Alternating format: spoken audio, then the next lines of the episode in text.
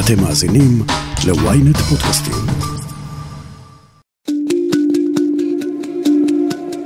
לפעמים נראה לנו שהסכנה מנסראללה בלבנון או מאיראן היא סכנה קיומית. אנשים לא, אני לא בטוח שאנשים מבינים שארגוני הפשיעה, והיום ארגוני הפשיעה מחזיקים את מדינת ישראל בגרון, צריך להגיד את זה. זה סכנה קיומית אמיתית למדינת ישראל, ואנחנו לא מספיק מבינים את זה. החברה הערבית מדממת. ארגוני הפשע הישראלים כבר לא מורתעים מחיסולים לאור יום. והמשטרה? היא לא עומדת בקצב. עם מחסור חמור בכוח אדם, משכורות לא ראויות ונתק בין המפכ"ל לבין השר לביטחון לאומי. בשבוע שעבר פורסם כי 11 מתוך 19 הניצבים בארגון פרשו מאז שקובי שבתאי נכנס לתפקיד. נגד העובדות אי אפשר ללכת, המצב של המשטרה הוא בכי רע.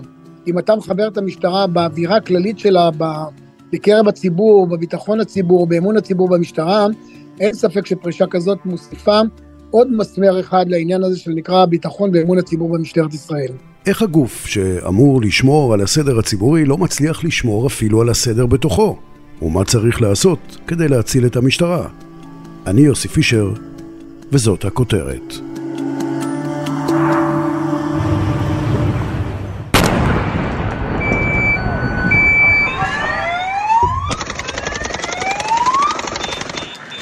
לירן לוי, כתב המשטרה והפלילים של ynet וידיעות אחרונות. אני אומר לך את האמת, אני מודאג. מטענים ופיצוצים ברמת גן ובלוד. שיאי מקרי הרצח של כל הזמנים בחברה הערבית. רוצים להכניס את שב"כ, רוצים להפעיל מעצרים מנהליים. איך הגענו למצב כזה של חוסר שליטה?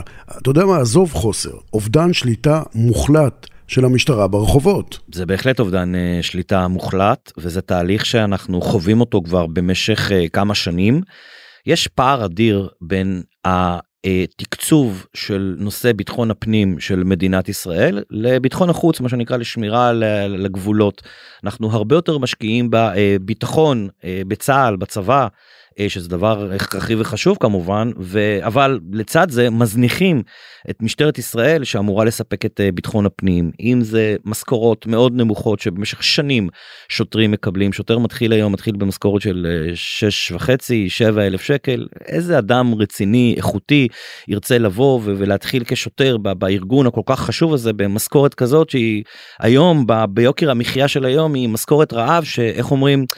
אי אפשר לסגור את החודש אז במקרה הזה אי אפשר בכלל לפתוח את החודש במשכורת כזאת אנחנו מדברים על אה, ייבוש מעבר לתקציבים על ייבוש המשטרה במשך שנתיים לא היה מפכ"ל קבוע למשטרת ישראל שלא אה, לא היה מי שיבנה את בניין הכוח של המשטרה. ו... בעיקר הטיפול היה כאן עכשיו ומיידי בלי לפתח איזושהי אה, אסטרטגיה.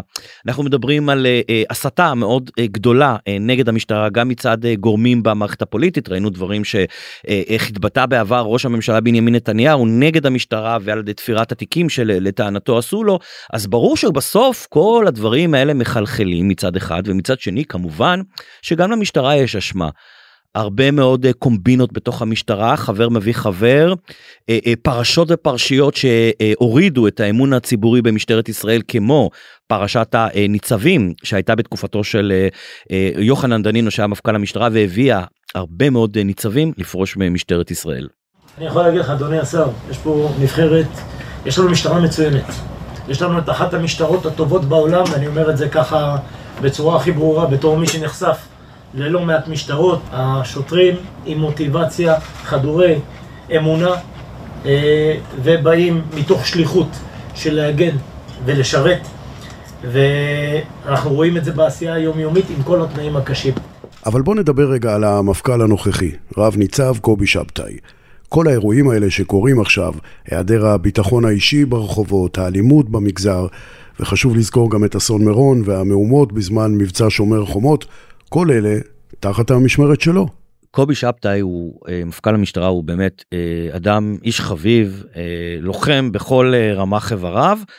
מפקד הוא קצת פחות צריך להגיד את זה ברמת פיקוד של כן להיות מפכ"ל משטרה זה זה אולי קצת גדול עליו ואחת הבעיות של קובי שבתאי זה שהוא פעם שמעתי שהוא אמר ככה באיזה שיחה סגורה שהוא יודע לשלם למקורביו במזומן מה הכוונה הוא במקום למנות את ה... בצורה מקצועית האנשים הנכונים והמתאימים כל אחד בתפקיד שלו הוא היה עסוק בעיקר בקידום אה, מקורבים וקידום אה, חברים ולרפד את הסביבה באנשי אמונו ולדעתי הוא עשה פה טעות אה, גדולה כי החוכמה של מפקד זה כן זה ברור שכל אחד רוצה את האנשים שלו לידו אבל כן לייצר איזשהו תמהיל ובסוף יש לך פה סגל פיקוד בכיר שאתה צריך שיהיה להם אמון בך ואתה צריך להוביל אותם זה פחות קרה. לילה קשה, בהחלט אה, לילה טרגי. אני רק אניח את הדברים פה על השולחן. אני שמעון לביא, מפקד המחוז הצפוני, ואני נושא באחריות הכוללת לטוב ולרע. ואני מוכן לכל בדיקה. אני רוצה ברשותך לחזור שוב לאסון מירון. 45 הרוגים, האסון האזרחי הכי גדול בתולדות המדינה. בין הניצבים הפורשים גם ניצב שמעון לביא, כאמור מי שפיקד על האירוע. אפשר להגיד שזה סמל למשבר החמור במשטרה? זה סמל להתנהלות הקלוקלת של המשטרה, שלא עובדת באופן מקצועי, אלא נתונה למרות של פוליטיקאים אה, אה, שמבקשים לממש את הרצונות שלהם באמצעות אה, משטרת ישראל. הרי צריך להזכיר שהאסון הזה היה אחרי הקורונה ואחרי שגם ככה כבר הגבילו בעבר את הכניסה ונכנס אז השר לביטחון פנים אמיר אוחנה שלא רצה להגביל את הכניסה שם ו, וכמובן שהיו הוראות והנחיות שניתנו אבל בסוף האחריות לדרג של המשטרה אבל בסוף האחריות היא של משטרת ישראל וגם צריך להגיד מה ששמעון לביא עשה. חלקים גדולים בתקשורת ממש מחאו לשמעון לביא כפיים. איזה יופי הנה הוא לוקח אחריות ומתפטר. לא סליחה. שמעון לביא לא לקח אחריות שמעון לביא ברח מהאחריות מי שמתפטר שנה ושלושה חודשים אחרי האסון מירון רק אחרי שהוא קיבל מכתב אזהרה מהוועדה ואני גם מעריך שבעצת עורכי דינו הציעו לו עזוב תפרוש זה ככה תתפטר זה יוריד את גובה הלהבות אז לא הוא לא נוטל אחריות הוא בורח מאחריות וזה בדיוק מה ששמעון לוי עשה פשוט ברח מאחריות. אם אנחנו מדברים על האמרות של פוליטיקאים על המשטרה, אז אי אפשר שלא להזכיר את השר לביטחון לאומי איתמר בן גביר. אנחנו חייבים, חייבים, חייבים להעלות הילוך בנושאים האלה, ומי שעושה את זה צריך למצוא משטרה נחושה, חזקה, שתוקפת, לא מתגוננת, שחותרת למגע. ששם יש לכם את כל הגיבוי ממני לצאת לרחוב ולהילחם. יש פה שר שנכנס ונותן הוראות, עוקף את המפכ"ל ונמצא איתו בנתק מוחלט. יש לו גם חלק באשמה, או שזו רק בעיה פנימית בארגון עצמו? לשר לביטחון אה, לאומי איתמר בן גביר כמו לכל שר ביטחון פנים בעבר יש קודם כל בראש ובראשונה את מה שנקרא אחריות מיניסטריאלית. אני כן חושב שיש אה, איזושהי הגזמה והפרזה בהטלת האשמה על איתמר בן גביר. יש הרי טענה שאומרת, שומעים אותה הרבה בתקשורת, שהמצב לא השתנה. המפכ"ל הוא אותו מפכ"ל, המשטרה היא אותה משטרה, אה, המדינה היא אותה מדינה, עבריינים אותם עבריינים, והנה הפשיעה עלתה, רק השר הוא לא אותו שר. אז זה לא מדויק. אה, בסוף בסוף שבמשך שנים כל כך ארוכות יש פה חוסר שליטה של המשטרה. יש פה הפקרות ברחובות אז העבריינים לאט לאט מעזים יותר זה תהליך שנמשך. עכשיו ברור שלשר יש אחריות וברור שהוא מתעסק יותר עם התקשורת והודעות לתקשורת ויחס אישי מאשר להתעסק בדברים האמיתיים זה נכון.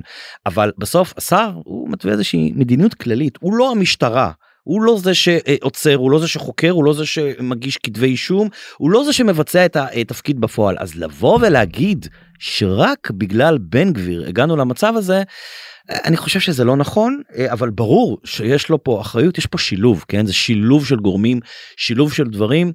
אני חושב שאחד הדברים הנכונים שנעשו בממשלה הקודמת וחבל שלא המשיכו פה זה סגלוביץ' שהיה סגן שר סגן השר לביטחון הפנים שכל שבוע היה מכנס את משטרת ישראל את רשות המה את רשות המיסים את כל הגופים הרלוונטיים ביחד וכולם כל אחד מהמקום שלו היה תוקף את ארגוני הפשיעה אם זה רשות המיסים מהמקום אתה יודע הכלכלי של חילוטים והיה פה שיתוף פעולה בין כמה וכמה משרדי ממשלה למיגור הפשיעה. להגיד לך שזה מיגר לא להגיד לך שזה הוריד קצת את הפשיעה כן ברגע שנכנס בן גביר והפסיק עם זה ראינו את הפשיעה עולה.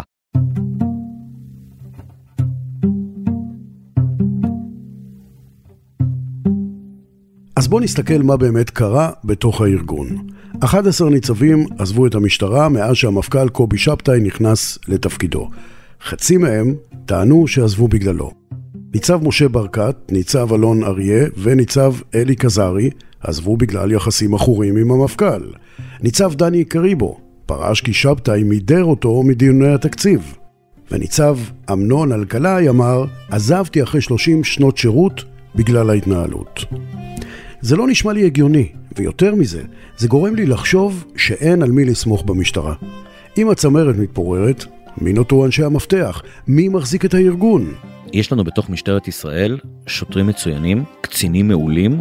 הבעיה היא שלא נשארו הרבה מהם, כי אנחנו ראינו את גל ההתפטרות המטורף של השנים האחרונות, אנחנו רואים את מצבת כוח האדם של המשטרה שהיא בחוסר. המצב גרוע, אבל הוא, הוא, הוא, הוא, הוא לא הכי גרוע, עוד לא הגענו לתחתית.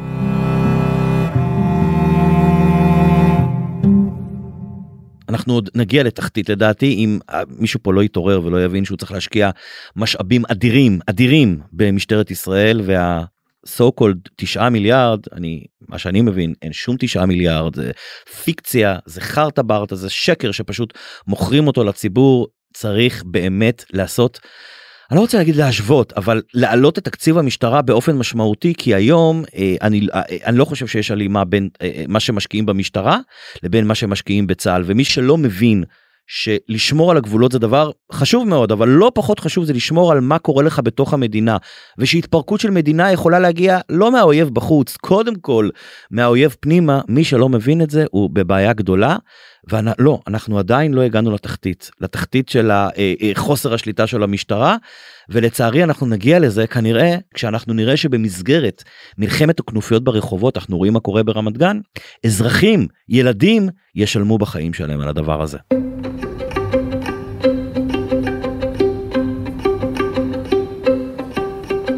בואו נשמע עוד קצת נתונים.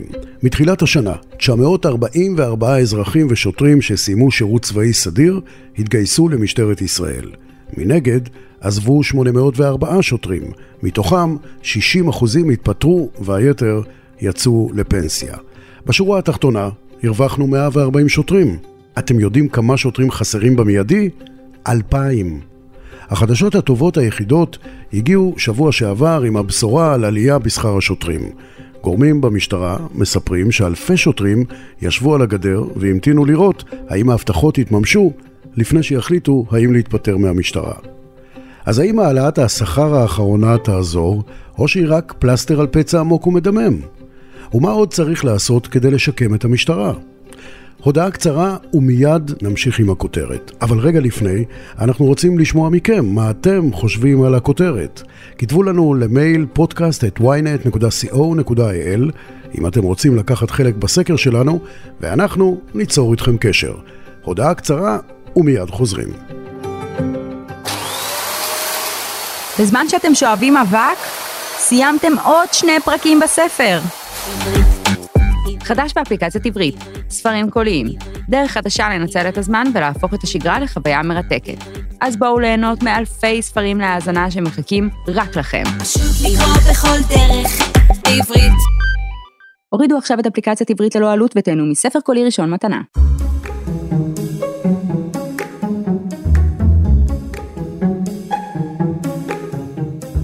אני באופן אישי חושב שניצב שפורש מהמשטרה בגלל מערכת יחסים מול מפכ"ל, זו טעות בעיניי, כי אני חושב שבסוף אה, אחריותו של הניצב היא אחריותו מול הארגון עצמו כמשטרה. זה ניצב בדימוס אהרון אקסול, חבר תנועת הביטחוניסטים ומפקד מחוז תל אביב וראש אגף המבצעים במשטרה לשעבר. יצא לו לעבוד תחת כמה מפכ"לים שונים במהלך השירות.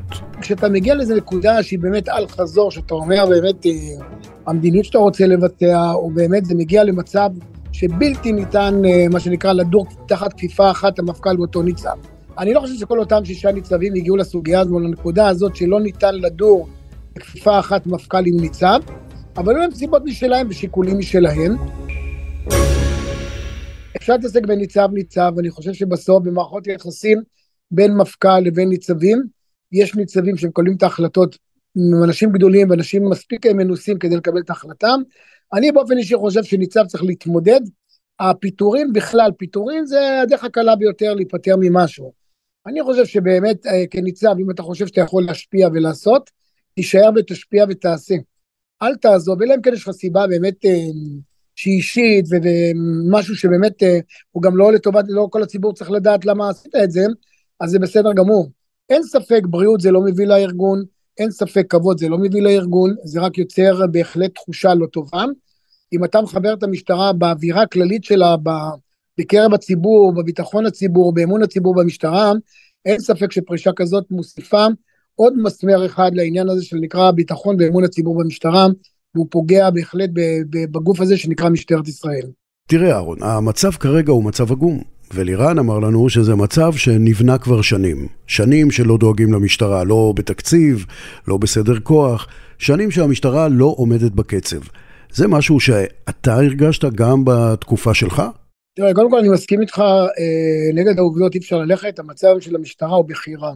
הוא בטח נהיה בכי רע בשנים האחרונות, מהרבה מאוד סיבות כאלה ואחרות, אבל בגדול אני יכול לבוא ולומר שממשלות ישראל באשר הן, אף פעם לא שמו את המשטרה, מה שנקרא, בסנטר המרכזי, וראתה במשטרה באמת, כמו שמתייחסים לצה"ל כצה"ל, הגוף הביטחוני שמגן על ביטחונה של מדינת ישראל ומקבלת את התקציבים ומשאבים בהתאמה, אף פעם לא לקחו את משטרת ישראל ושמו אותם בפרונט המרכזי ואמרו, רבותיי, משטרת ישראל זאת בעיה אסטרטגית למדינת ישראל, בלי ביטחון הפנים, אין לנו גם ביטחון חוץ. ופעם מישהו אמר לי דבר חכם, איך אתה יודע אם מתייחסים למשטרה בצורה טובה, או בכלל לגוף, תבדוק איפה הוא נמצא בתקציב המדינה. אם הוא נמצא בתקציב המדינה בשלוש המקומות הראשונות, כנראה שמתייחסים אליו בצורה די רצינית. אם הוא נמצא מלמטה, אז כנראה שיש גוף כזה שנקרא משטרה, נותנים לו את מה שנותנים לו, אבל הוא עדיין לא נתפס כמשהו אסטרטגי בארגון שלנו. ולצערי הרב, משטרת ישראל, תבדוק בעשור האחרון, אפילו, אפילו אחורה, אף פעם משטרת ישראל לא נתפסה כגוף אסטרטגי למדינת ישראל. אף פעם הביטחון הזה לא נתפס במובן הזה שמשטרת ישראל צריכה לקבל את המשאבים שלה, את הטכנולוגיות משלה. אני יכול לומר לך שאני הייתי במשטרה, תקציב המשטרה היה כ-13 מיליארד שקלים, אבל צריך לזכור, שאתה פורט, אתה מפרט את התקציב הזה, ואתה בודק אותו ובוחן אותו מה באמת מכיל התקציב, אז כמעט בין 70 ל-80 אחוז מהתקציב בכלל הולך למשכורות, לשוטרים ולגמלאים, ואם תוריד עוד איזה עשרה אחוז שהולך לתקורות של הוצאות קבועות של משטרת ישראל, נשאר בסוף לארגון הזה אולי בין עשרה, נניח לחמישה עשר אחוז התפתחות והתעצמות. ארגון כמו משטרת ישראל, בעשרה עד חמישה עשר אחוז התפתחות והתעצמות, זה לעג לרש מול גידול באוכלוסייה. האוכלוסייה בעשורים האחרונים גדלה, כמעט הכפילה את עצמה במאה אחוזים, אני מדבר על העשורים האחרונים בכלל משנות ה-70, ומשטרת ישראל גדלה בכלום כמעט, אולי בעשרה אחוזים, וגם אז ביחידות ארציות כאלה ואחרות. בסוף בסוף, כשאתה רוצה לבחון בשטח, ואתה רוצה לבדוק האם יש שינוי בשטח, אני הייתי מפקד מרחב באיילון, שזה כלל את חולון, בת ים ואזור, כמות הניידות, כשאני הייתי מפקד מרחב בשנת 2000, ב-2001 סליחה, לא השתנתה לדעתי כמעט עד היום, זאת אומרת היו כשבע ניידות, נשארו שבע ניידות. ואתה אומר לעצמך, איך גדלה המשטרה ב-20 שנה האחרונות, האם היא גדלה? אז היא לא גדלה. ואם היו מתייחסים למשטרה בצורה באמת רצינית, ומבינים שבסוף בסוף משימות משטרת ישראל גדלו עם השנים, הפשיעה המאורגנת הלכה והתעצמה, הטרור הלך והתעצם, בעיות אגף התנועה ובעיות התאונות דרכים הלכו והתעצמו, כי גם כלי הרכב הלכו והתעצמו בכבישים, אבל המשטרה מעולם לא גדלה באותו יחס מול אותן משימות שמשטרת ישראל אמונה עליהן. אם אני אקח רק את החצי שנה האחרונה כדי להמחיש את זה, כדי שאנשים יבינו, בחצי שנה האחרונה משטרת ישראל במה התעסקה? התעסקה במחאות, כמעט בכל סוף שבוע עד עצם היום הזה. כל מחאה כזאת זה אלפי שוטרים, זה אלפי שוטרים שכמעט שלושה ארבעה חודשים כבר בשבתות לא בבית. תיקח את הרמדאן עם כל ההיבטים של הפח"ע בלאומנות סביב הדבר הזה, ותראה לאיפה תגיע, איפה המשטרה נמצאת. בסוף גם השוטרים נשחקים, ולכן שוטרים גם מתפטרים.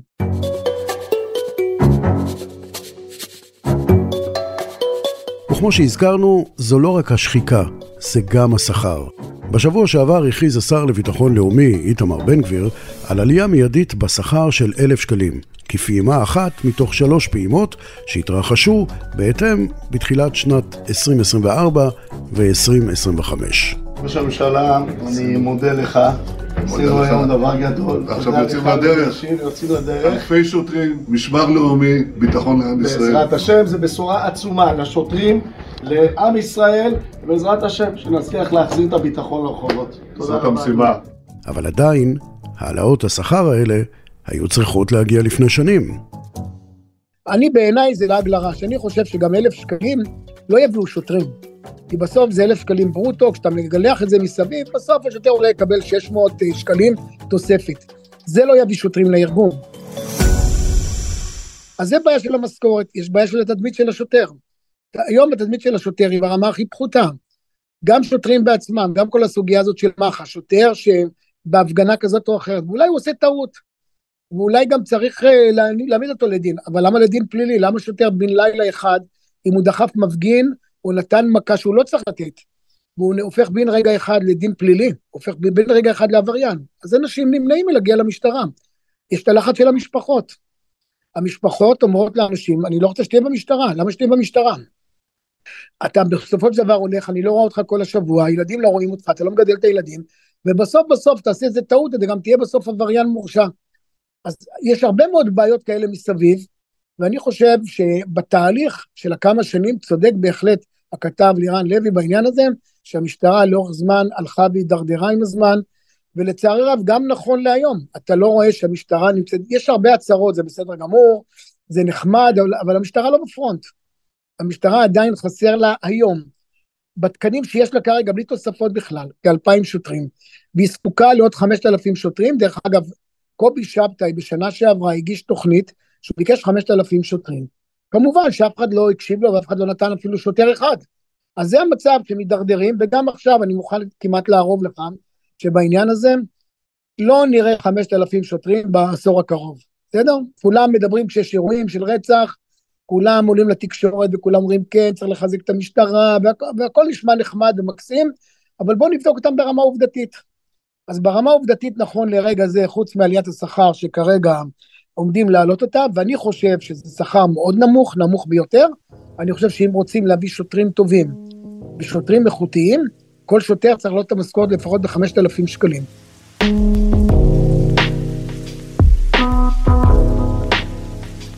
לירן לוי, אני חוזר אליך. אתה חושב ששבתאי, או המפכ"ל הבא אחריו, יצליחו לשקם את היחסים הראויים שבתוך הסגל הבכיר?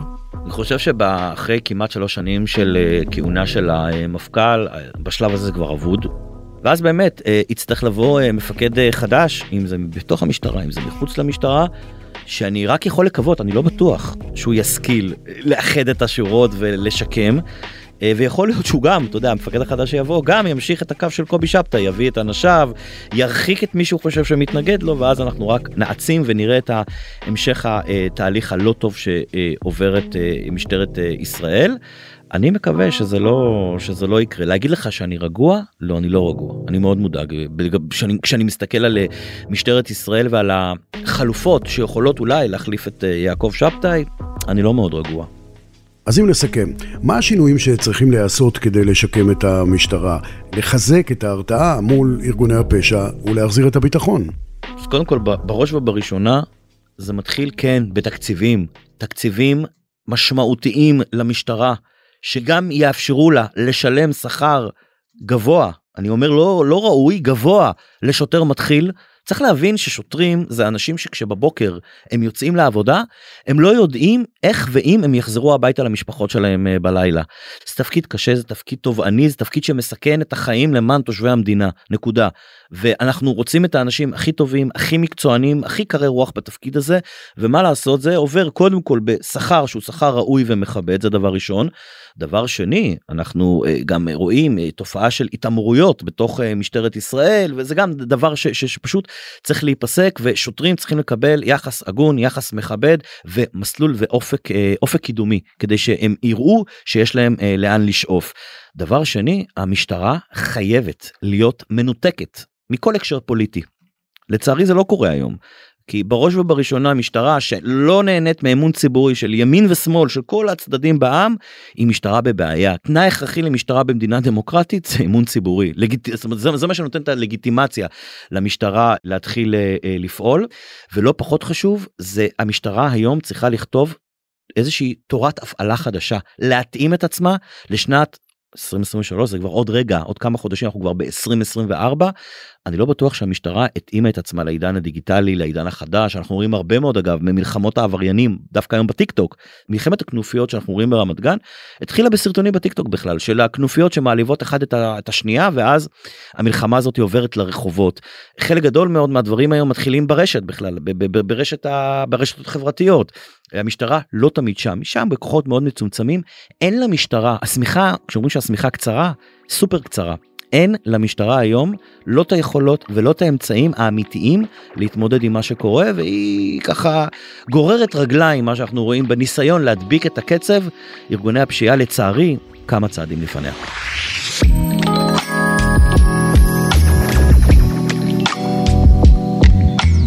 עד כאן הכותרת להפעם. תודה לכתבנו לירן לוי וניצב בדימוס אהרון אקסול, ותודה לכם שהאזנתם. אתם מוזמנים לעקוב אחרינו בוויינט רדיו, באפליקציה, בנייד, ברכב, או איפה שאתם שומעים את הפודקאסטים שלכם. אם זה קורה באפל או ספוטיפיי, אז גם תדרגו את הכותרת וכתבו לנו תגובה. תמיד כיף לשמוע הרי מה אתם חושבים. על הדרך, אנחנו ממליצים לכם להאזין לשיחה עם המפכ"ל לשעבר רוני אלשיך בפודקאסט האמת היא עם עופר שלח. חפשו את הפרק המשטרה שאיננה. איתי בצוות הכותרת שרון קידון וישי שנרב, תחקיר, הפקה ועריכה גיא סלם, טכנאי הסאונד ובן פישר, אני יוסי פישר, נשמע בכותרת הבאה.